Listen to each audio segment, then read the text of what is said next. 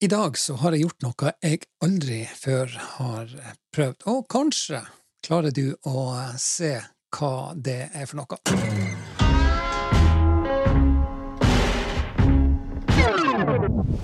For mange så er studentlivet ei fin og eh, kanskje litt sånn her bekymringsløs tid.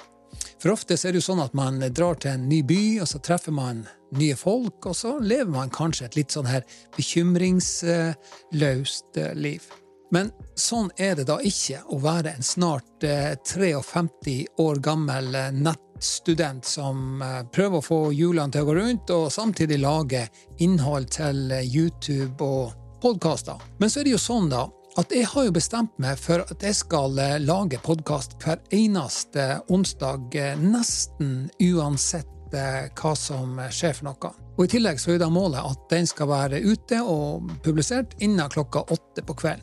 Det vet jo jeg at det klarer jeg jo ikke nå, for nå er det altså onsdag kveld, og klokka den har bikka ti. Jeg må jo bare innrømme at jeg er dønn sliten etter en lang dag på jobb.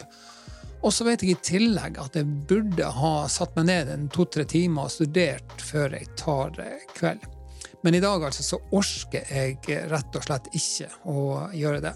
Så derfor så blir jo dette her en kort podkast. Innledningsvis så nevnte jo jeg at dagens podkast er litt annerledes. For deg som sitter på Apple Podkast eller på Spotify og hører på podkasten, så er det kanskje ikke så lett å skille dagens episode fra andre episoder. Men for deg som ser på eh, YouTube-videoen, og i tillegg eh, gjerne er litt eh, observant, så klarer du kanskje å se at det er noe som er nytt. Hvis du tror at du vet svaret, så hører jeg gjerne fra deg i kommentarfeltet under.